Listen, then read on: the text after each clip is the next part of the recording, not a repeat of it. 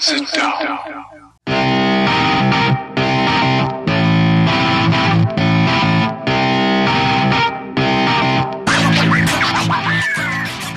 Witam wszystkich i każdego z osobna. Ja jestem Robert Kochan, a to jest Kochana NBA, najbardziej nieobiektywny podcast o najlepszej koszykarskiej lidze świata. To już 45. odcinek, a razem ze mną jak zwykle jest tutaj Wiaro. Siema Wiaro, co tam słychać u Ciebie w to piątkowe popołudnie? Siema Robert, cześć wszystkim. Wiesz co, miało być spokojne piątkowe popołudnie, a tu wczoraj w nocy gruchnęły bomby e, w NBA. No i, no i jest e, znowu pełno emocji, no i się trzeba mocno pozastanawiać, co to się będzie działo w tym przyszłym sezonie, skoro takie rzeczy się dzieją. No, rzeczywiście e, gruchnęły bomby, ale największa z nich gruchnęła dzisiaj. Czy wiesz, co mam na myśli? A nie wiem dokładnie o czym mówisz. Mówię o naszym Facebooku i o tym, że udało nam się uzyskać już pierwszą setkę polubień e, naszego profilu, więc jesteśmy największymi zwycięzcami tego tygodnia. Trzymamy, trzymamy tą setkę z dumą niczym Wild. No właśnie i dziękujemy e, Wam bardzo za, za każde polubienia. E, no i słuchaj, e, niby skończył się sezon, e, no a jednak niech żyje sezon, tak? No bo w zasadzie emocje mamy od razu od nowa pełną parą. Minął tydzień, a tu już loteria draftu i całe związane z nią emocje. Mm, no i też dostaliśmy kalendarz e, tego, tego sezonu, który przed nami. Wiadomo, e, jak to wszystko będzie mniej więcej wyglądać. Już 2 sierpnia e, drużyny mogą rozpocząć negocjacje z wolnymi agentami, więc tutaj pewnie cały czas będą jakieś, wiesz, trady, tego typu próby uzupełnienia składu. No właśnie do tego dojdą wolni agenci. W tym roku może się okazać, że, że ta mm, klasa wolnych agentów będzie bardzo obfita w point guardów, że będzie z czego wybierać. Tak się mówi, no ale, ale to się jeszcze okaże. 28 mm, września już zaczynają się training campy dla drużyn NBA. 19 e, października rusza sezon regularny. Na 12, od 12 do 15 kwietnia mamy zaplanowany play-in tournament, no a już 16 zaczynają się playoffy, no i finał, e, wiadomo, finały zaczynają się 2 czerwca. W zasadzie te emocje największe już w zasadzie zaraz przed nami, nie? Tak, no w tym roku nie ma, zresztą tak, tak samo jak w poprzednim roku nie ma za bardzo czasu na jakikolwiek odpoczynek. E, NBA funduje nam mm, bardzo szybko kolejny sezon, a tak naprawdę mm, no, okienko pomiędzy sezonami też w sumie do nudnych nie należy. No bo przed chwilą mieliśmy draft, e, tak jak mówisz, za chwilkę zaczyna się e, free agency, a trady, e, okienko transferowe już tak naprawdę otwarte, już ruszyło. No i już pierwsze bomby też na rynku transferowym też gruchnęły.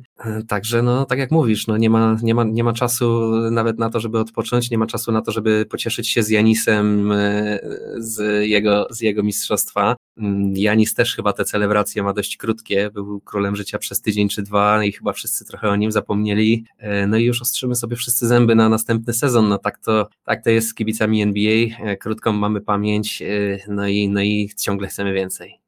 No i pewnie dostaniemy więcej, bo, bo ten nowy sezon to też kilka nowości, między innymi zmiana w przepisach dotyczących zachowania podczas oddawania rzutu. Tutaj wszystkie takie ruchy nie do końca koszykarskie będą już przez sędziów inaczej traktowane i nie będą gwizdane jako faule obrońcy.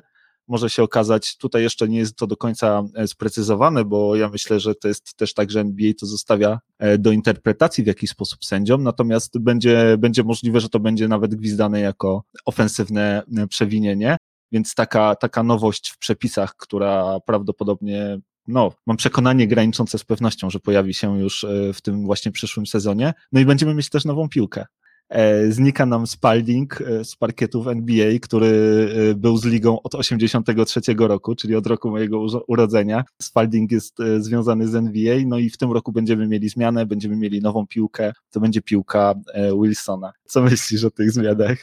No powiem Ci tak, y, o tej y, zmianie piłki już y, głośno było, znaczy może nie głośno, ale newsy pojawiły się już jakiś czas temu i faktycznie mm, no jest to taka fajna ciekawostka na pewno dla wszystkich fanów NBA. No wszyscy jesteśmy bardzo mocno przyzwyczajeni do tych spaldingów. Praktycznie większość z nas wychowywała się już na NBA lat 90., później ewentualnie 2000 i późniejszych to, to już wszystko są czasy, które są były bardzo mocno już poddane pod marketing, już, już jednak te marki były gdzieś tam powiedzmy może nie jakoś super promowany, no ale zwracało się na pewno uwagę na to logo Spaldinga na piłce wielokrotnie podczas różnych transmisji meczy, czy, czy, czy artykułów, czy w gazetach, czy, czy, czy no w innych miejscach. E, no i to kultowa piłka zawsze była, tak? Jak ktoś miał Spaldinga gdzieś e, pod blokiem, no to, no to widać było, że, że rodzicom się powodzi i, i, i w domu chyba nie narzekają na brak kasy, bo takie piłki było raczej ciężko dostać. No i to taka, można powiedzieć, była, no jak ktoś miał, to wielka duma dla niego, a, a, a jak nie miał, no to bardzo, bardzo wszyscy chcieli taką piłkę. To chyba takie marzenie było każdego, każdego e, młodego fana koszykówki w naszym Miałeś kraju. taką piłkę? Moim rodzicom się aż tak dobrze nie powodziło, także nie, nie, nie miałem Spaldinga nigdy sam. E, dopóki no, miałem już, powiedzmy, jako, jako oczywiście dorosły gość, już sobie Spaldinga kupiłem sam, ale, ale za dzieciaka takiej z piłki nie, nie powąchałem. Tyle, co jak ktoś przyniósł na boisko, no to zawsze fajnie było taką gałą zagrać. Mm, no i cóż, no, ale tak jak mówisz, no, no umarł król, niech żyje król. No, wchodzi nowa piłka, piłka Wilsona, piłka pod kątem takim, wiesz, wizualnym, no to powiem ci, że hello, hello, nie? Całkiem, całkiem. E, nie powiem, żeby mi się to nie podobało. Także nie jestem jakimś wielkim hejterem tej zmiany. No, rzeczy się zmieniają. Mm, ja, ja, ja zawsze będę bardzo miło wspominał całą tą historię NBA ze Spaldingiem, ale tak jak mówię, no, umarł król, niech żyje król. Życie toczy się dalej, liga idzie dalej. E, zobaczymy, jak teraz będzie wyglądała liga z nową gałą. E, no podobno piłkami Wilsona gra się w NCAA, jeśli się nie mylę, e, bo, bo któryś właśnie z zawodników draftowanych w tym roku wypowiadał się na, na, na temat piłek Wilsona, no i mówił, że miał właśnie okazję już nimi grać. E, więc może się okazać, że ci ruki e, będą mieli to czucie piłki odrobinę lepsze od weteranów, przynajmniej na samym początku, a może się okazać, że nie będzie to dla nich żadna różnica. E, no ale dobra, przejdźmy do tego najważniejszego, do tej bomby wielkiej, o której wspomniałeś. Wielki trade nam się wydarzył przed tym draftem, bo właśnie zastanawialiśmy się, jak to będzie, tak? Czy to będzie rzeczywiście w ten sposób, że no jest ta ciekawa klasa, więc zespoły będą biły się o te jak najwyższe miejsca w drafcie, że będzie bardzo dużo właśnie jakichś takich trade'ów, będzie dużo wspinania się po tej drabince, czy też schodzenia właśnie e, w dół, gdzieś tam zabezpieczając się e, na przyszłość i, i zarabiając w ten sposób. E, no i już przed samym draftem taka wielka bomba, e, jeżeli chodzi o, o, o trady, o wymiany zawodników. No powiem Ci szczerze, że w pewnym momencie nie mogłem w to uwierzyć, bo najpierw pojawiły się przecieki. E, jeszcze wczoraj wieczorem widziałem, że właśnie Watch zatweetował, że pracują nad tym dealem, tak? Podał nawet jego szczegóły, jak on, jak on będzie wyglądać. No i rzeczywiście udało się dogadać. I Russell Westbrook w Los Angeles Lakers razem z e, dwoma e, second roundowymi pikami z draftu z 2024 i bodajże 2028 roku, a w drugą stronę, czyli do Washington Wizards wędrują e, Kyle Kuzma, Caldwell Pope, Montrezl Harrell, który w ogóle specjalnie przedłużył jakby swój kontrakt, tak? Opt-inował opcję, którą miał w kontrakcie po to, żeby być wytradowanym do Wizards. No i pik 22 e, z tej, e, z tej rundy draftu, właśnie z pierwszej rundy. E, to wszystko trafia do Washington Wizards i no powiem Ci naprawdę wow, jak to zobaczyłem, a, a Ty co w ogóle myślisz o tym tradzie? Wiesz co, to jest tak szalony trade na tyle różnych sposobów, że nie wiem w ogóle od czego zacząć, jak mamy o nim porozmawiać, e, ale może zacznę od e, tego, o czym wspomniałeś, czyli od jakby samej esencji, czyli kto za kogo tutaj poszedł. No ja z całej tej paczki, którą Lakersi oddali za Westbrooka, to chyba najbardziej by mi było szkoda tego draft picka, który oddali, no, względnie Montreza Harela, który jest pożytecznym grajkiem, ale on ma ogromne swoje minusy, Mm, szczególnie defensywne. Nie wiem, czy to jest taki zawodnik, który wiesz, to jest, ja, ja kiedyś y, określiłem go mianem Kenneth Farid na sterydach nie? i myślę, że to jest dość naprawdę trafne określenie dla tego gościa, a Kenneth Farid wielokrotnie okazywał się być po prostu nieprzydatny w tych kluczowych momentach, bo mimo tej energii, którą wnosił, mimo tego, że, że całkiem nieźle zbierał i, i potrafił wykańczać atletycznie akcje, no to to jest jednak mało, kiedy w obronie po prostu oddajesz e, no, mnóstwo centymetrów e, na swojej pozycji nie wiem, czy, czy, czy Harrell to jest aż tak mocny zawodnik, y, aż, aż tak dobry zawodnik, jak, jak pokazywały jego statystyki tak naprawdę w tym jednym sezonie w Clippersach, w którym się pokazał naprawdę dobrze. E, no Kyle Kuźma to niech się cieszy, że jeszcze gra w NBA, bo ja już, to, to już jest bohater memów i internetów, i on już był tradowany do Chin wielokrotnie przez najróżniejszych analityków, więc moim zdaniem to, to powinien naprawdę spojrzeć solidnie na swoją karierę i zastanowić się, co dalej, bo bardzo różnie to może być w jego przypadku.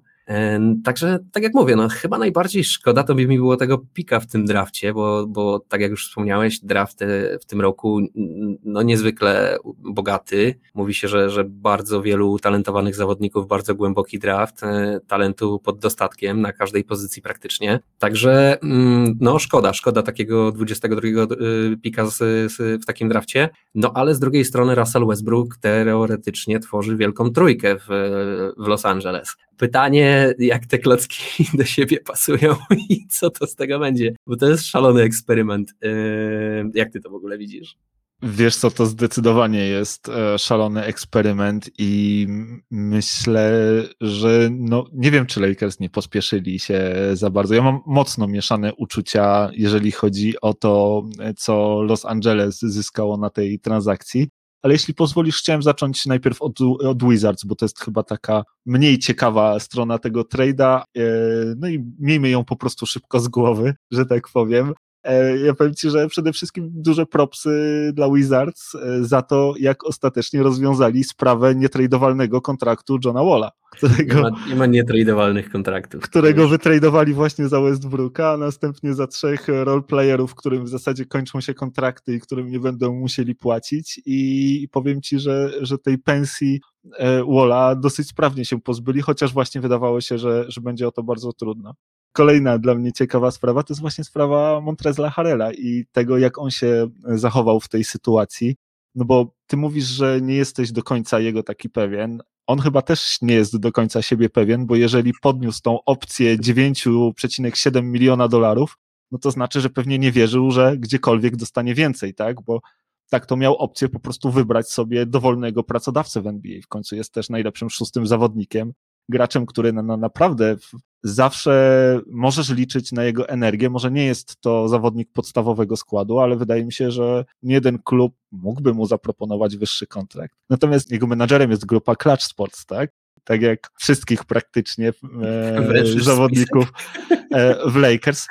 Nie wiem, czy węższe spisek, mówię tylko, przedstawiam fakty, tak? Nie, nie, nie, nie, mówię, z czym te fakty się wiążą. Natomiast e, no, ciekawe jest, że właśnie, e, no bo bez tego opt-inu w tym kontrakcie nie udałoby się przeprowadzić tego trade'a, bo nie udałoby się wyrównać salary, tak? Musieliby, nie wiem, jakiegoś sign and trade'a zrobić i tak dalej. No ale Tres e, mógł, tak jak mówię, no może nawet wziąć odrobinę mniej, nie wiem, milion mniej, tak? Może te 8 milionów na sezon e, z kawałkiem ktoś by mu dał, a mógłby sobie wybrać po prostu, nie wiem, miejsce, gdzie, e, gdzie mógłby grać, może gdzieś, gdzie nie ma na przykład podatków stanowych, tak? Więc to jest dla mnie taka, taka dosyć ciekawa sprawa właśnie w tym tradzie i, i to, jak Montrezl Harrell się zachował, bo ja powiem Ci szczerze, oczywiście nie jestem agentem, ale tak z mojej perspektywy, jak sobie o tym myślę, to pewnie doradzałbym mu jednak coś innego. Doradzałbym mu to, żeby miał sam wpływ jakby na, ale może nie czuł się pewnie, tak, po, po nie najlepszym poprzednim sezonie. E, Caldwell Pope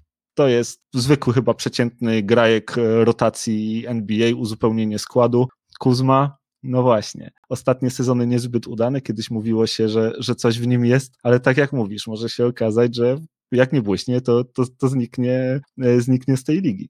Wiesz, no, coś w nim jest pytanie, czy nie Łajza, nie? No bo to, e, no, to jest chłopak, który owszem, pokazywał momentami ofensywny talent, e, ale pokazywał też swoje drugie oblicze. Można było zobaczyć, jak bardzo jest, jakby to powiedzieć, kalifornijski. To jest, to jest, to jest naprawdę taki chłopak lokalny stamtąd i to widać po nim. On się bardzo mocno utożsamia z tym stylem życia e, w Los Angeles. E, nie wiem, czy właśnie nie za bardzo. Nie wiem, czy, czy, czy to nie jest tak, że to, że jest jedynym takim młodym zawodnikiem w Lakers, to który gdzieś tam ma, znaczy, no, nie jedynym jeszcze jest THT, ale no umówmy się, że, że głośno o nim było parę razy.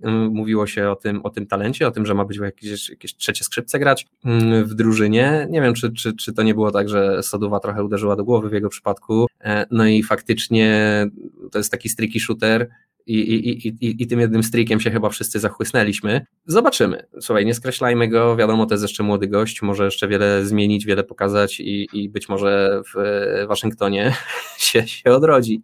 On nie jest nie aż taki jak... młody wcale. No, on chyba przyszedł do ligi mając 20, ile 24 lata, 25? On chyba 24 lata, to nie wiem, czy on nie miał jak przyszedł do ligi, bo nie wiem, czy on po prostu albo zagrał wszystkie 4 lata w koledżu, tak mi no się właśnie, wydaje. Ale... Tak, to masz rację, że on na pewno przyszedł tutaj jako już taki doświadczony zawodnik, to nie jest, y, nie przychodził jako 19-latek, no ale wciąż to jest młody gość, no to nie jest, wiesz, jakiś tam weteran, który już tam gra 8 sezonów, nie? No nie, wydaje mi się, że on będzie miał coś pewnie około 27-28 lat w tym momencie wciąż ma sporo do udowodnienia i wciąż to jest młody zawodnik w lidze, jakby nie było, no bo to jest jego pewnie który czwarty sezon w tym momencie. Wiele, wiele razy się mówiło o tym, że to są często ten czwarty, czy piąty, czy trzeci sezon, to są takie dość przełomowe sezony, jeżeli chodzi o tych zawodników, którzy dopiero do ligi przychodzą, szczególnie właśnie takich e, gdzieś z późniejszych numerów e, w drafcie wybieranych, czy, czy nie tych powiedzmy największych talentów. Mm, także no nie skreślajmy go, dajmy mu jeszcze szansę, zobaczymy co pokaże, chociaż ja się obawiam, że to, to, to może być w ogóle koniec e, naszego może być ostatni raz, kiedy rozmawiamy o Kailu Kuźmie przez, przez najbliższe bardzo długo. Być może porozmawiamy następnym razem, jak się dowiemy, że, że Wizards jednak postanowili z nim nie podpisywać kontraktu i, i odszedł właśnie gdzieś do Chin czy, czy gdzieś indziej. E, to jest jak najbardziej realny scenariusz w jego przypadku w moich oczach, no ale wiesz, no, wszystko w jego rękach. No dokładnie tak, więc e, słuchaj, mamy z głowy Kuzmę i Wizards pewnie na bardzo długi, długi czas. Nie podejrzewam, żeby tam się coś fantastycznego miało dziać, ale, ale może zobaczymy. No i przenieśmy się do Los Angeles, do y, zespołu, w którym zostało bodajże pięciu zawodników, do LeBrona Jamesa, do, do Antonego Davisa, do e, Marka Gasola i Hortona Takera i kto tam jeszcze jest? McKinney? E, chyba, chyba wszystkich wymieniłeś, no? Tak, to, to właśnie do nich dołączył właśnie Russell Westbrook. No na Alex kontrakcie Caruso jest jeszcze. Alex Caruso jest wolnym zawodnikiem. Wolnym agentem jest teraz już, nie? Tak, tak, tak, tak. Bodajże no mają pięciu zawodników na kontrakcie i dołączył do nich Russell Westbrook, MVP ligi, ten, który robi triple-double. W każdym sezonie średnio, a oprócz tego nie umie nic trafiać i jak on będzie pasował do LeBrona Jamesa? I jak to się wszystko potoczy, jak to będzie działać razem i czy to w ogóle ma prawo działać, co o tym myślisz? Słuchaj, no są, jak już mówiłem, jest bardzo dużo aspektów i bardzo dużo perspektyw, które można tutaj złapać, patrząc na całą tą sytuację. E, no na pewno pod takim stricte boiskowym kątem, jak się nad tym zastanowisz na pierwszy rzut oka i byś pomyślał o tym, że te, te, te, te, te części, ci zawodnicy to są takie pionki, które potrafią to, co potrafią, co pokazywali do tej pory i grają dokładnie tak, jak grali do tej pory i miałbyś z tego złożyć drużynę, to to się nie, no to się nie, nie, nie zgrywa po prostu, tak? E, umówmy się, każde trio, w którym LeBron James jest najlepszym shooterem, to jest trio, któremu brakuje shootingu, najprościej rzecz ujmując. E, mają, mają zdecydowane braki e, po tej stronie boiska, a jak już e, wspominałem kilkukrotnie, no koszykówka jednak to jest gra, która polega na zdobywaniu punktów, a rzucanie na kosz jest jedną z podstawowych sposobów zdobywania tych punktów, więc warto umieć to robić, szczególnie w dzisiejszych czasach.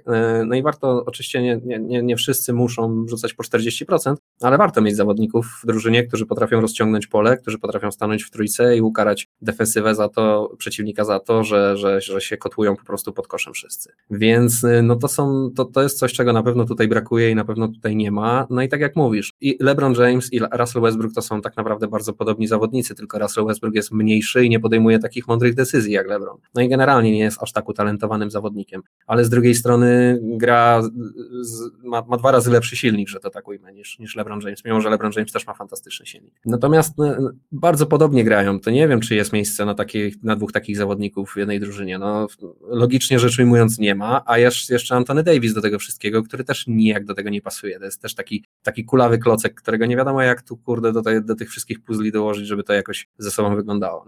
To, to, że to się nie będzie spinać, to, to, to wszyscy wiemy. Mm, pytanie tylko, czy to jest jakby już utarte i tak już będzie, czy jeszcze da się coś z tym wszystkim zrobić? No bo jakby nie było, e, LeBron James, czy Russell Westbrook, czy Anthony Davis to są zawodnicy, którzy no naprawdę z, naj, z najwyższej półki, tak? Oni wiele w tej lidze osiągnęli, wszyscy tak naprawdę, a szczególnie LeBron i, i Russell Westbrook indywidualnie osiągnęli bardzo dużo i to są e, jednak goście, którzy naprawdę świetnie rozkminiają tą grę, więc jest duża szansa, że jak usiądą i pomyślą jak to zrobić, to wymyślą sposób na to, jak to może działać. Pytanie, czy, czy to się uda i, i, i jak trudne to będzie do, do osiągnięcia, bo ten aspekt, o którym wspomniałeś na początku, że jest ich w tym momencie tylko pięciu czy sześciu w drużynie, to nie jest moim zdaniem żaden problem. W, tak, w takiej drużynie jak Los Angeles Lakers, w której są trzy takie gwiazdy, to myślę, że tych zawodników pobocznych to znajdziesz bardzo wielu chętnych i takich jak właśnie Blake Griffin w zeszłym roku, czy Lamarcus Aldridge, którzy przyszli do Nets grać e, za jakiś tam bezcen. Myślę, że w tym roku będzie bardzo podobnie i też, też na pewno jacyś zawodnicy się skuszą, żeby do tej drużyny jeszcze dołączyć i wspomóc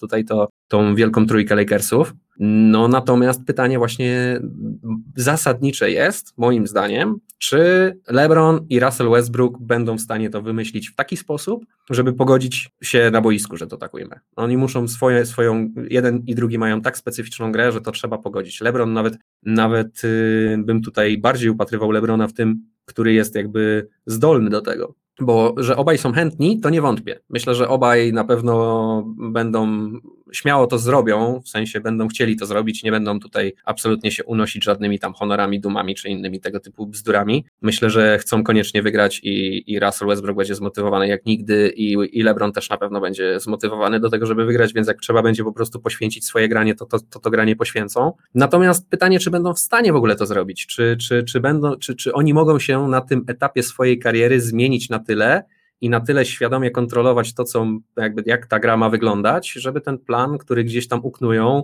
e, wprowadzić w życie, no i, no i żeby to zadziałało, tak? No i żeby wygrać mistrza w tym roku. No, ogromny, ogromny znak zapytania.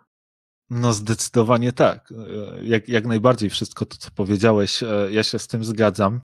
To na pewno jeszcze nie jest koniec. To jeżeli przynajmniej chodzi o skład Lakers, tak naprawdę gra się dopiero zaczyna te pustki w składzie trzeba będzie uzupełnić, e, najlepiej jakimiś wartościowymi zawodnikami. E, dobrze by było podpisać e, Taylena Hortona Takera, co nie wiem, czy będzie takie łatwe, bo pewnie jest kilka klubów, które ostrzy sobie na niego zęby i nie wiem, czy Lakers będzie tak łatwo wyrównywać oferty za, za takiego zawodnika. Na pewno, jeżeli chodzi o możliwość uzupełnienia składu, to mają chyba to niepełne mid-level exception, to chyba 5,7 milionów tylko, a oprócz tego mogą oferować tylko kontrakty dla weteranów już chyba, bo sam e, Anthony Davis, LeBron James i Russell Westbrook będą w następnym sezonie zarabiać ponad 120 milionów dolarów, e, samo tylko to trio, e, no a właśnie, w składzie jest jeszcze Mark Gasol, jest Alfonso McKinney, no i trzeba pamiętać, że jeszcze pięć banieczek się płaci Luolowi Dengowi. E, nie wiem, czy kojarzysz takiego pana, ale e, on jeszcze jest na liście płac e, Los Angeles Keep Lakers. Them checks. Keep getting them checks. Dokładnie tak. Więc, więc zobaczymy, na ile uda się LA Lakers uzupełnić skład. To, co też moim zdaniem, jeżeli chodzi o samego Westbrooka, to on tam przede wszystkim został sprowadzony po to, żeby pomóc e, Lakers w sezonie regularnym. On e, ma być tą osobą, która pewnie odciąży LeBrona Jamesa z konieczności rozgrywania piłki, po to, żeby mógł on oszczędzić siły i być właśnie pełny nich na, na koniec sezonu i też przy okazji zmniejszyć ryzyko kontuzji LeBrona, w tym też będzie który 18 sezon jego. E, więc, e, więc żeby troszkę tego ciężaru zdjąć i właśnie wykorzystać tę, tę energię rasa, no bo wiele pożytku w playoffach pewnie z niego mieć nie będą. Raz nie jest znany z tego, tak jak już wspomniałeś, że podejmuje dobre decyzje i to zarówno często w kwestiach rozegrania, jak i, jak i w kwestiach rzutowych. No i nie można tak na niego liczyć e, w tym postseasonie i często właśnie to, co dotychczas pokazywał w playoffach, no nie każe być optymistą w tej materii. No tutaj bez dwóch zdań masz rację, no już też wspomnieliśmy o tym pewnie nie raz. E, Russell Westbrook ma swoje wady i trzeba o tym wiedzieć, że to jest zawodnik, e, absolutnie nie jest to zawodnik idealny, to jest zawodnik, który po prostu daje ci pewne rzeczy i zabiera ci pewne rzeczy. No i musisz, musisz o tym pamiętać, kiedy, kiedy konstruujesz drużynę naokoło niego i kiedy, kiedy obmyślasz taktykę mm, dla swojej drużyny, w której on ma grać, no i tak dalej, i tak dalej. No musisz po prostu wziąć pod uwagę, budując drużynę, jakim typem zawodnika jest Russell Westbrook wiesz, ja się nie, może nie do końca zgodzę z tym, co powiedziałeś, że tutaj za wiele ci w playoffach nie da. Myślę, że Russell Westbrook wciąż bardzo dużo ci daje w playoffach. To jest wciąż bardzo pożyteczny zawodnik, który może dużo zrobić. Po prostu fajnie, żeby miał kolegę, który mu pomoże e, w kluczowych momentach podjąć te słuszne decyzje i oddać ten jednak dobry rzut, a nie, nie ten głupi. Ja myślę, że Russell Westbrook jak będzie grał z LeBronem Jamesem, to nie będzie miał najmniejszego problemu z tym, żeby zostawiać LeBronowi te decyzje w końcówkach gier. Mm, myślę, że tak jak, tak jak wspomniałem, że, że Westbrook dla tego pierścienia naprawdę będzie w stanie, jak, jak go poproszą o to, żeby, żeby cały mecz biegał i stawiał zasłony, to pewnie się na to zgodzi. Jakby go poprosili na to, żeby z ławki wchodził, to pewnie by się na to zgodził. Jak go znam, jak znam jego chęć wygrywania i jego, jego potrzebę wygrywania. Więc wydaje mi się, że tutaj akurat pod tym kątem problemu z Westbrookiem nie będzie. Problem będzie tylko taki, czy to, czy to naprawdę w jakimś stopniu będzie mogło w playoffach zadziałać. Nie? Czy, czy, czy, czy po prostu taka koszykówka, jaką będą Lakers prezentowali, to nie jest koszykówka, którą da się dość łatwo bronić i, no i nie, nie jest ona po prostu skuteczna na tle innych drużyn e, dzisiejszego NBA. Tak? Mm, także tutaj bym się dopatrywał głównych problemów Lakersów wciąż. Mm, natomiast absolutnie zgadzam się z tym, że w sezonie zasadniczym Russell Westbrook to będzie dynamo, to będzie, to będzie pewnie taki, taka specyficzna forma odpoczynku dla LeBrona Jamesa, tak?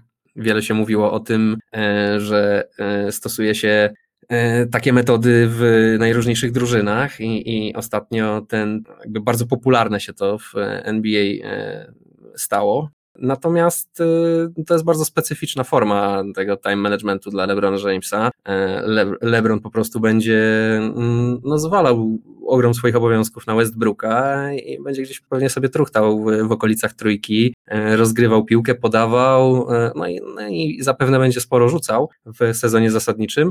Zobaczymy, na ile to oczywiście wszystko się sprawdzi, bo ta taktyka będzie, wiesz, fajną taktyką, dopóki Lakers będą wygrywać i dopóki będą się łapać do tych playoffów, a jeżeli to będzie tak, że wiesz, że LeBron odda e, pi piłkę w ręce Westbrooka i się okaże, że nagle e, drużyna wygląda w ten sposób, w jaki wyglądali Wizards w zeszłym sezonie na początku sezonu, no to może być bardzo różnie i niewykluczone, że LeBron chcąc nie chcąc będzie musiał jednak e, ogrom tej, tej odpowiedzialności za losy Lakers dźwigać na swoich barkach, nie?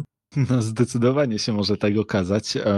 Ty, nie, nie wiem, czy do końca dobrze mnie zrozumiałeś, bo to, co ja e, miałem na myśli, to nie miałem na myśli jakby kwestionowania woli zwycięstwa Russella e, Westbrooka w playoffach i tego, że on jakby zrobi wszystko, żeby zapewnić zwycięstwo swojej drużynie. Nie, nie, nie, tego nie kwestionowałem. Wiem, kim jest teraz, wiem, co potrafi, wiem, jak gra w koszykówkę. Chodziło mi bardziej o to, że może się okazać, że LeBron dostanie piłkę powiedzmy na lewym skrzydle, i nagle zawodnik, który kryje Russella Westbrooka, zostawi go zupełnie pustego na trójce i podbiegnie do Lebrona podwajać go, przez co Lebron będzie zmuszony podać do Westbrooka, będzie 30 sekund do końca meczu i będziemy mieli niedolot na przykład, tak? Bo może się tak okazać. Nie, no jasne, jasne.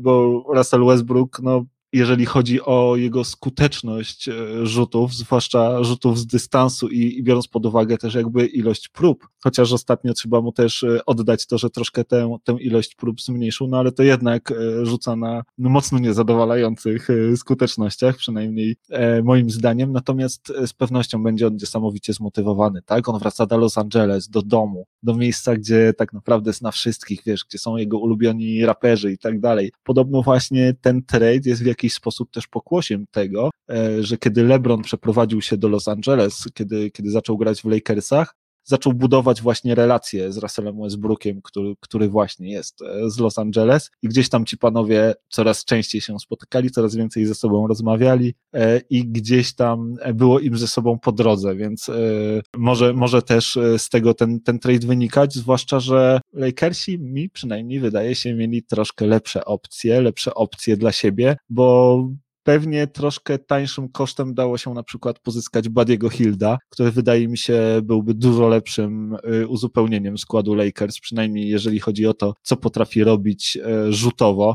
Wydaje mi się, że to byłby fantastyczny partner dla e, LeBrona Jamesa, taki, który potrafiłby wykańczać podania, ale też taki, który potrafiłby sam sobie sytuację stworzyć, bo on potrafi bardzo dobrze rzucać również off the dribble, świetnie rzuca jakby stojąc i świetnie potrafi rzucać również w ruchu, więc e, na pewno byłby fantastycznym uzupełnieniem Lakers. No a do tego, tak jak wspominałem, mamy w tym roku jakby wysyp, y, jeżeli chodzi o wolnych agentów wśród point guardów, więc pewnie dałoby się podpisać, czy to takiego Mike'a Conleya, czy słuchaj, Chris Paul może być y, wolnym agentem, e, Kyle Lowry, tak, tych, tro, tro, trochę tych wolnych agentów będzie, Lonzo Ball jako restricted free agent też trafi na, na rynek, więc będzie jakby wy, w czym wybierać, jeżeli chodzi o point guardów i nie wiem, czy takie mocne postawienie na, na Westbrooka w tym momencie to jest najlepsze, najlepszy wybór, jakiego e, mogli dokonać e, Lakers. No, e, a wracając gdzieś tam jeszcze do samego Westbrooka, to powiem Ci, że ten gość ma szczęście takie w, w swojej karierze, że to jest aż nie do wiary, bo on miał możliwość grania z takimi super gwiazdami i gwiazdami już e, przecież w całej swojej historii, że to nie do wiary, nie? Bo to i Kevin Durant, i, i Harden, i, i tutaj Paul George, tak? I teraz e, LeBron James, i Anthony Davis, e, i, i James Harden po raz drugi, tak? No i Bradley Bill, jakby, jakby jeszcze y, do tego było mało, więc e, naprawdę fantastyczne, fantastyczni koledzy z zespołu do tej pory w karierze Westbrooka, a tylko raz w finałach, jeden wygrany mecz, mm, nic, nic więcej. Biorąc pod uwagę to, z jakimi nazwiskami grał, no to właśnie to też, to też sprawia, że troszkę w tego Russella Westbrooka w tych playoffach wątpię.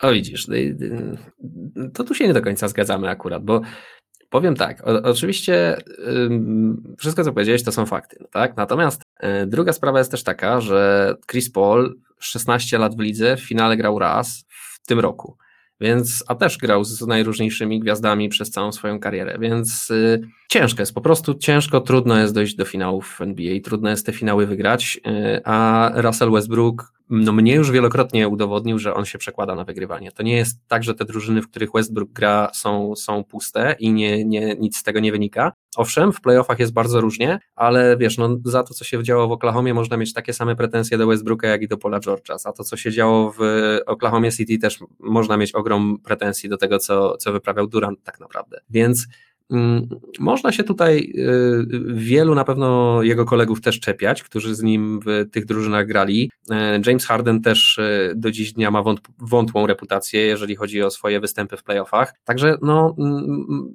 na pewno należy zwrócić na to uwagę, a zobacz inną kwestię tutaj, jeżeli chodzi o Westbrooka. Z kimkolwiek z tych gości, których wymieniłeś, by Westbrook nie grał, to się z nimi świetnie dogadywał. I świetnie im się razem grało. I wszyscy, nie jeden z tych zawodników miał swój najlepszy sezon z Westbrookiem właśnie. No, taki Paul George na przykład, który miał fantastyczny sezon u boku Russella Westbrooka. Owszem, skończyło się to tak, że y, Damian Lillard ich spuścił po kiju w playoffach, ale sam sezon zasadniczy mieli, mieli fantastyczny. A tutaj, jak już sam wspomniałeś, w playoffach masz jakby nie było LeBrona Jamesa i Antonego Davisa i na nich teoretycznie masz opierać tą swoją playoffową grę, a Russell Westbrook to jest wciąż zawodnik, który naprawdę to jest super gwiazda, to nie jest jakiś tam grajek pokroju Mike'a Conleya, który wniesie sporo do twojej drużyny i świetnie pasuje jako pis. Nie, to jest super gwiazda, wokół, do której się dobiera takie pisy jak Mike, Mike Conley, nie? wokół której można budować naprawdę y, fajne drużyny, bo to, co robi Mike Conley, jesteś w stanie znaleźć w lidze. Natomiast tego, co robi Russell Westbrook, znajdź drugiego zawodnika, który, który, który robi takie rzeczy jak Russell Westbrook. A inna jeszcze kwestia, o której tutaj mówiłeś, yy, którą, na którą zwróciłeś uwagę, to to, że mieli tutaj lepsze opcje.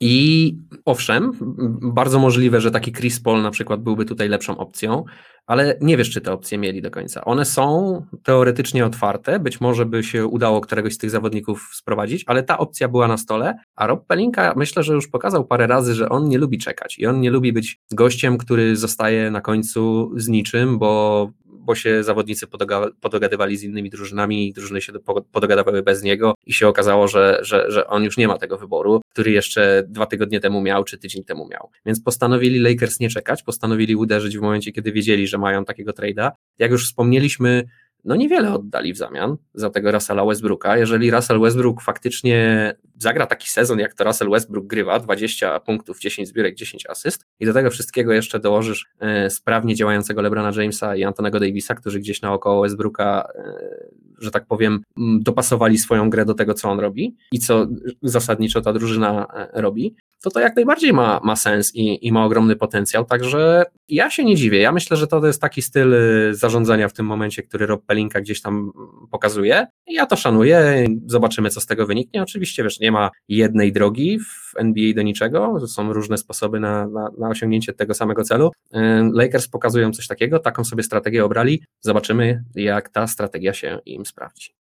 E, no wiesz co, e, ja też, żeby, żeby tutaj e, być szczerym, no to muszę powiedzieć, że, że przecież ja jestem absolutnie wielkim fanem Russella Westbrooka, tak? I tego wszystkiego, co Russell Westbrook robi, co pokazuje. Owszem, potrafię zauważyć też pewne mankamenty w jego grze, natomiast super bardzo lubię tego zawodnika i myślę, że powinien być bardzo podekscytowany i pewnie fani Lakers też. Myślę, że ten poziom hypu wzrośnie niebywale. Oni właśnie czują, że mają teraz tę wielką trójkę. Czy to jest prawda, czy to jest nieprawda? To jest pewnie kwestia e, debaty.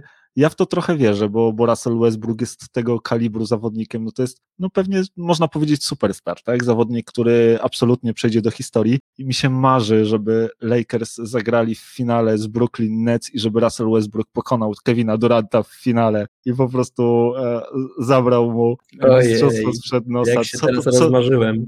Co, co to by było, stary? Co to by się potem e, nie działo? Co, co by mu raz nie powiedział? To bardzo, bardzo chciałbym to usłyszeć. Oj, oj, to było piękne, no. To było piękne. To, to na pewno by było e, coś wspaniałego. No myślę, że właśnie też e, kiedy zgrają się już ze sobą, to będziemy mieli takie znowu troszkę lake show, tak, jak to mawiają, czy, czy taki showtime jak, jak za dawnych lat, bo Russell Westbrook jest super e, takim atletycznym zawodnikiem, bardzo żywiołowym, wszędzie go pełno, ale też niesamowicie skocznym i silnym, potrafiącym, wiesz, zapakować piłkę do kosza z całą mocą, ale też świetnym podającym, który będzie potrafił bardzo fajne pick and roll grać z Antonem Davisem, który obsłuży podaniem też LeBrona Jamesa i, i jego kolegów.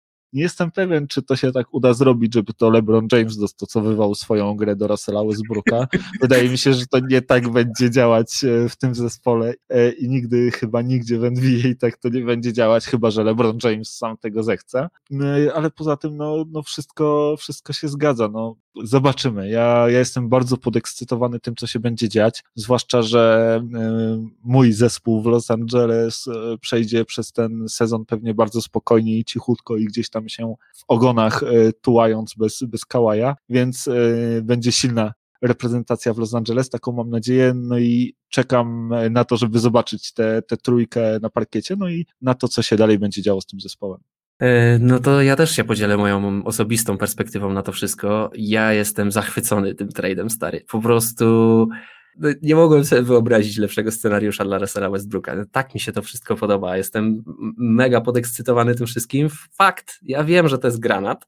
Ja naprawdę zdaję sobie sprawę, że to może wybuchnąć w ręce i nic z tego nie będzie i że ci Lakersi mogą z tym składem po prostu do dupy zajechać, a nie, a nie po mistrza. Ale po prostu jak, jak pomyślę o tym właśnie, co mówisz, że Russell Westbrook z Lakersami może zagrać w finale przeciwko Nets i ograć Kevina Duranta. No po prostu jestem ogromnym fanem tego pomysłu, strasznie mi się to wszystko podoba e, i powiem Ci szczerze, że bardzo mocno zaczynam się, e, zaczynam sympatyzować z tymi Lakers, oczywiście tylko ze względu na, na, na Russella Westbrooka, ale no bardzo, bardzo mi się osobiście ten pomysł mi się podoba mega, e, strasznie temu kibicuję, trzymam za to kciuki, mam nadzieję, że coś z tego wyjdzie, natomiast tak jak mówię, to, to jest granat, Oj, szybciutko, szybciutko wskoczyłeś do tego hype trainu. Jeszcze tam widzę e, na ja lokomotywy. Ja kupiłem no lokomotywę właśnie. i wołam ludzi. Tak właśnie to brzmi. E, no zobaczymy, żebyś się nie wykoleił, mój drogi, jadąc radośnie i szczerząc zęby przez bezdroża. Może tak e, być. Bo, bo może tak zdecydowanie być. Słuchaj, e, tak szybciutko e, o pozostałych tradeach, bo myślę, że to tylko warte wspomnienia, bo wydawało się, że to rzeczywiście właśnie przez to, że ta klasa jest taka ekscytująca, będzie szalony draft i będzie dużo tradeów, okazało się, że no oprócz tego jednego dużego to trochę bida, jak dla mnie. W top 10 w zasadzie nie, nie zaszły żadne zmiany, jedynie e, Memphis Grizzlies e, wytradowali właśnie po ten e, dziesiąty numer w tegorocznym drafcie. Zrobili trade'a z New Orleans Pelicans, do których wysłali Valanciunasa Jonasa Valanciunasa i e, dwa numery z tegorocznego draftu, numer 17 i 51, a, a w drugą stronę do Memphis Grizzlies powędrował Steven Adams, Eric Bledsoe ze swoim kontraktem, no i właśnie numer 10 i 40 e, z tegorocznego draftu i ten pik e, pierwszorundowy z 2002 roku Lakersów, który jest e, chroniony top 10, więc to, więc to taki trade. Grizzlies zapragnęli tego dziesiątego miejsca, chcieli, chcieli tam sobie wybrać dla siebie zawodnika. Do tego, jeśli chodzi o inne trady, to między innymi do Cavs powędrował Ricky Rubio, tam razem, razem z jakimiś drugorundowymi pikami i, i pieniędzmi, w drugą stronę do Timberwolves Torin Prince, ale to taki trade, e, no w zasadzie, który, który pewnie można pominąć. z ciekawych dla ciebie rzeczy Landry Shamet został wytradowany do, do Suns. Także mm, to tak, jest piąty, piąty czy piąty sezon Landry Shameta jakoś tak i chyba czwarty zespół już, więc e, nie ma szczęścia do tego, żeby, żeby zagrzać miejsca. Mm, Nic z niego nie będzie już wiele. Mason Plumlee został też wytradowany e, z Detroit do, do Charlotte Hornets, e, no ale to, to również e, mało znaczący trade. Natomiast no słuchaj, może przejdziemy właśnie i, i porozmawiamy o tym drafcie, który się odbył. Okazało się, że zespoły zwykle bardzo ceniły, zwłaszcza przynajmniej te swoje miejsca w pierwszej dziesiątce i, i żaden z zespołów, które miały tam swoje piki, nie oddał ich i nie wytradował. Troszkę tych trade'ów było dalej, na tych miejscach naście i, i dwadzieścia kilka, no ale, ale tutaj rzeczywiście nic się takiego w tej pierwszej dziesiątce nie stało. Powiedz mi, czy, czy ciebie coś e, zaskoczyło, jeżeli chodzi o te, o te wybory, przynajmniej właśnie w, tym, w tej lotery części draftu? Wiesz co, niespecjalnie, to znaczy no to jest bardzo głęboki draft, tak? Co, co to znaczy bardzo głęboki draft? To znaczy tu jest naprawdę mnóstwo talentu yy, i mówi się o tym, że od 2003 roku, a nawet od 98 nie było takiego draftu, w którym byłoby tylu zawodników z potencjałem do tego, żeby naprawdę przerodzić się w późniejsze gwiazdy NBA czy też super gwiazdy. No i wygląda na to, że, że dokładnie z takim draftem mamy do czynienia. Powiem Ci, że co mnie osobiście zaskoczyło, to pewne ciekawostki z tym draftem związane. Na przykład nie wiem, czy, czy, czy słyszałeś o tym, jak atletyczny to jest draft. Ale tutaj się okazuje, że podczas tego całego draft combine, czyli to są takie powiedzmy pomiary atletyczności zawodników, tam się biega po prostu na czas, skacze jak, jak kto wyżej i tak dalej. Tego typu, tego typu siłowe zadania się, się wykonuje. I tam cała śmietanka, jakby wszyscy ci, ci, ci zawodnicy wybrani w drafcie w tym brali udział. 41 bądź 43, już do końca nie pamiętam, ale około 40 z 60 zawodników, którzy, którzy w tym drafcie byli, e, zarejestrowało vertical jump, czyli, czyli po prostu skok wzwyż e, na, e, na wysokość przynajmniej 35 inczy, czyli to jest 90 centymetrów. E, no straszne skoczki. To jest tak atletycznego draftu, naprawdę ciężko sobie to wyobrazić. To um, padł też rekord, jeżeli chodzi w ogóle o ten vertical jump. Tam któryś z zawodników e, zanotował 48 cali. To jest w ogóle. Właśnie to... o tym ci chciałem powiedzieć. Ja to wszystko doskonale wiem. A wiesz dlaczego to doskonale wiem?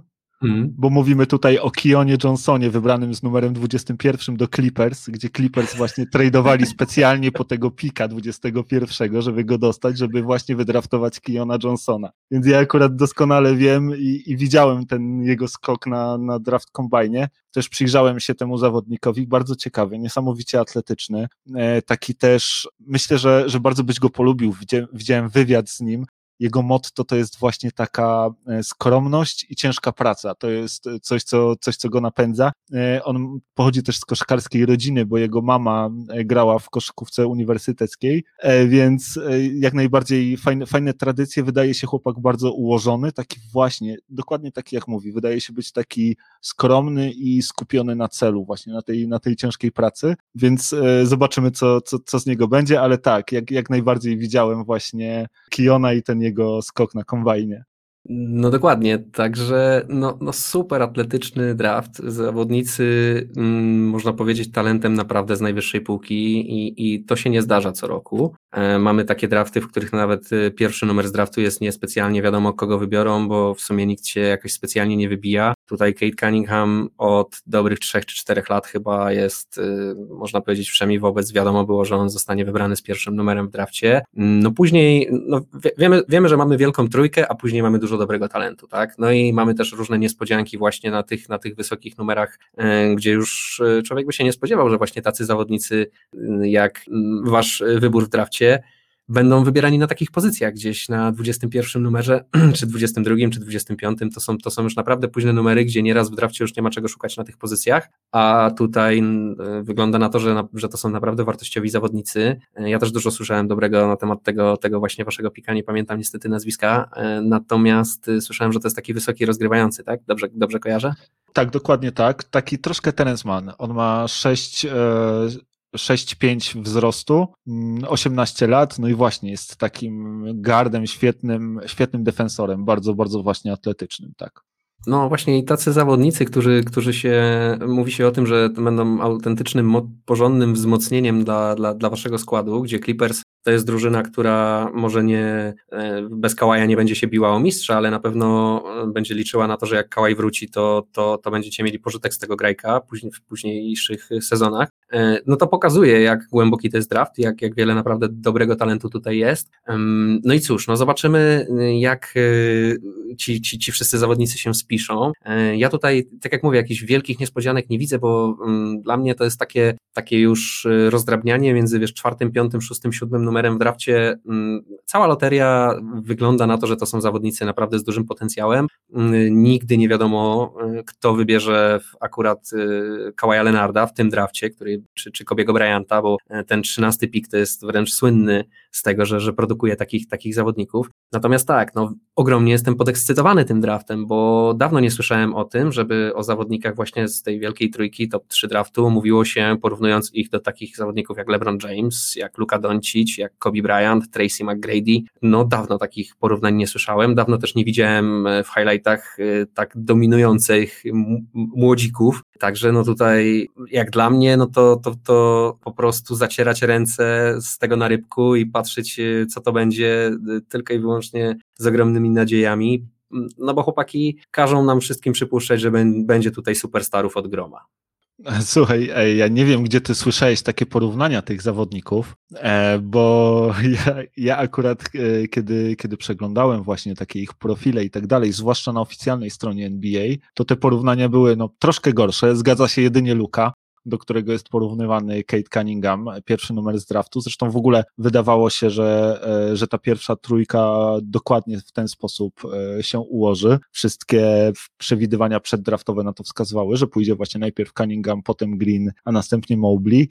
Jeżeli chodzi o Cunninghama, no to właśnie on jest takim playmakerem, ale też potrafiącym rzucać, takim pick and roll maestro, więc to porównanie do Luki się tam pojawiło, ale był też porównanie do Jimmy'ego Butlera w jego przypadku. Jeżeli chodzi o Jalena Greena, to tutaj troszkę gorzej, bo, bo te porównania, które były właśnie na oficjalnej stronie NBA, to jest Zach Lavin, Ray Allen, Kelly Oubre Jr., więc nie Tracy McGrady i, i nie Kobe Bryant, a, a jeżeli chodzi o Mowbleya, to porównuje się go do Boscha albo do Aytona.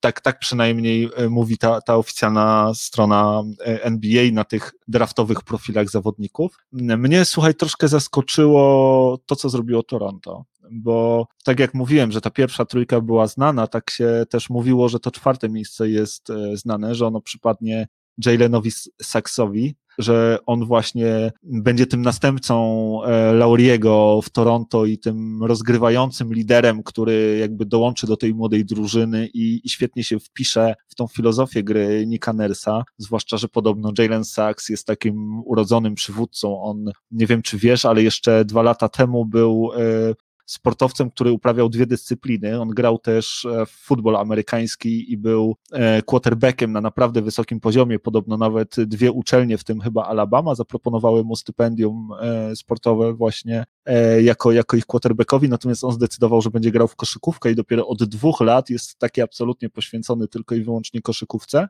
i e, widać też jego ogromny rozwój, tak? Natomiast właśnie też przez to takie dziedzictwo futbolowe, przez to granie quarterbacka, to jest, to jest też taki urodzony lider i wydaje mi się, że on bardzo dużo w tej materii może, może wnieść e, do każdego zespołu, więc troszkę mnie zdziwiło to, że jednak e, postawili w Toronto na, na Scottiego Barnesa, bo to jest taki zawodnik, troszkę on jest porównywany do Pascala Siakama i właśnie nie wiadomo, co, co troszkę Masai Ujiri ma teraz w głowie, no bo to wygląda troszkę tak, jakby on chciał podpisać Lauriego na jeszcze kontrakcie na, na kilka lat i wytradować Pascala Siakama. Trochę to w ten sposób wygląda, jakby ten, ten draft y, mógłby na to wskazywać.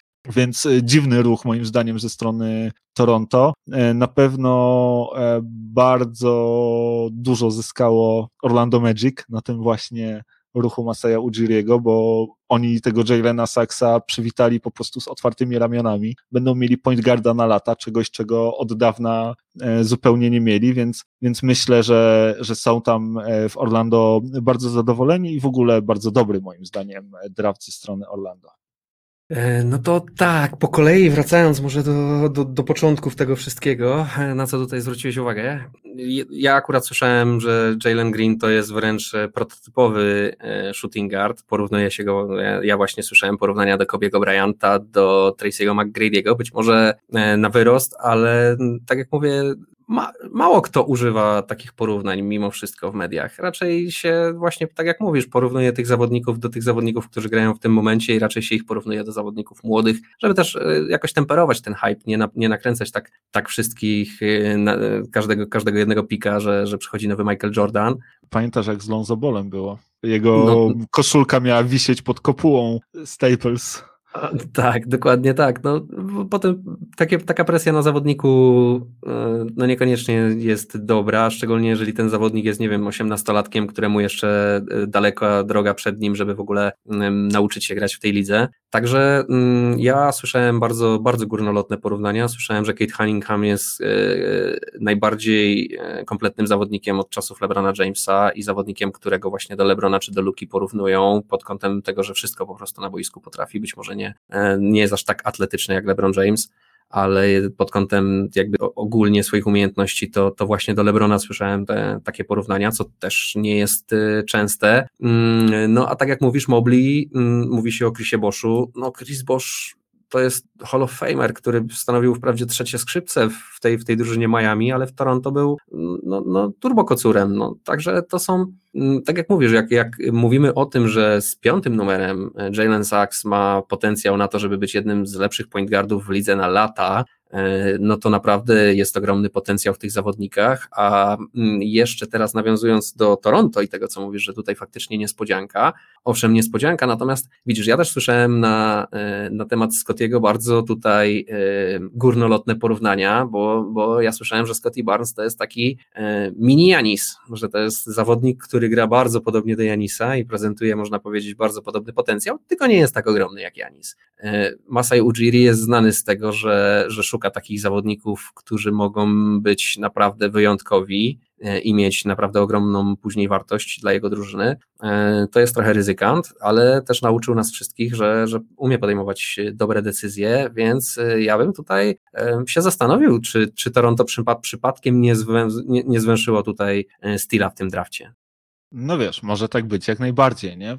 W zasadzie wszyscy ci zawodnicy, którzy przychodzą w drafcie, to są trochę takie niewiadome i to jest trochę wróżenie z fusów. Wiadomo, skauci ich obserwują, starają się jak najwięcej dowiedzieć na ten temat, no ale ile razy się zdarzało, że wiesz, z tej pierwszej dziesiątki draftów, nawet tych dobrych, no nie wiem, czterech, pięciu, sześciu zawodników kończyło bez jakichś tam szczególnych sukcesów w lidze, nie? Więc e, tutaj pewnie będzie podobnie. Zobaczymy, zobaczymy, czy talent eksploduje, kto trafi w dobre środowisko, kto będzie miał jak jaką etykę pracy i tak dalej, i tak dalej. Jest e, szereg jakby czynników. Rzeczywiście to, co wspomniałeś, Kate Cunningham wydaje się być takim absolutnie kompletnym zawodnikiem, który potrafi wszystko bardzo dobrze e, i, i zobaczymy. Sam e, Mobley też uważa się w ogóle za najlepszego zawodnika w tym drafcie i on mówi, że jak skończy karierę, to będzie większy niż LeBron James i Kobe, właśnie tak w którymś no, wywiadzie chyba powiedział, więc, więc na pewno pewności siebie mu nie brakuje. Nie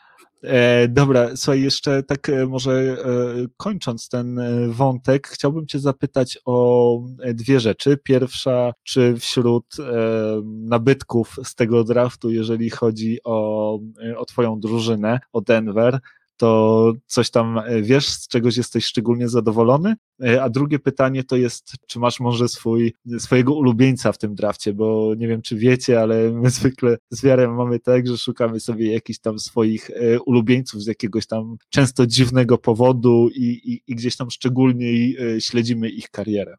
E, wiesz co, akurat y, w tym drafcie ulubieniec mi się nie trafił, z tego względu też, że draft przyszedł na mnie e, mocno z nienacka w tym sezonie i, i, i tak jak mówię, ja tutaj dużo słyszałem właśnie o tych zawodnikach e, z z, z całej tak naprawdę loterii o tych zawodnikach, o, tym, o, o, ty, o tej klasie draft, draftu się mówiło już od jakiegoś czasu, więc, a tak jak wspomnieliśmy, lubimy sobie znaleźć po prostu jakieś ciekawostki, e, jakichś zawodników, którzy, którzy czymś przyciągną naszą uwagę, więc tutaj akurat e, dla Ciebie żadnych ciekawych informacji nie mam, natomiast Denver jak najbardziej, Denver wybrało z 26 czy 28, 26 bodaj numerem, wybraliśmy kolegę, który nazywa się Nashon Highland, ale może najfajniejsze jest to kolega maksywkę Bones, e, więc ja tak o nim będę mówił. E, jest podobno fantastycznym shooterem. E, ja tutaj czytałem komentarze fanów Denver Nuggets no jest prawdziwe szaleństwo, jeżeli chodzi o, o, fanów Denver. Wszyscy e, witają go z otwartymi ramionami, bardzo się cieszą, e, a jego fani, bo przypuszczam, że to jego fani, mówią, że Denver wygrało loterię, e, czy też wygrało draft i będą mieli z niego pożytek jak Golden State ze Stefa Kerego, więc wiesz, tutaj poprzeczka zawieszona bardzo wysoko przed,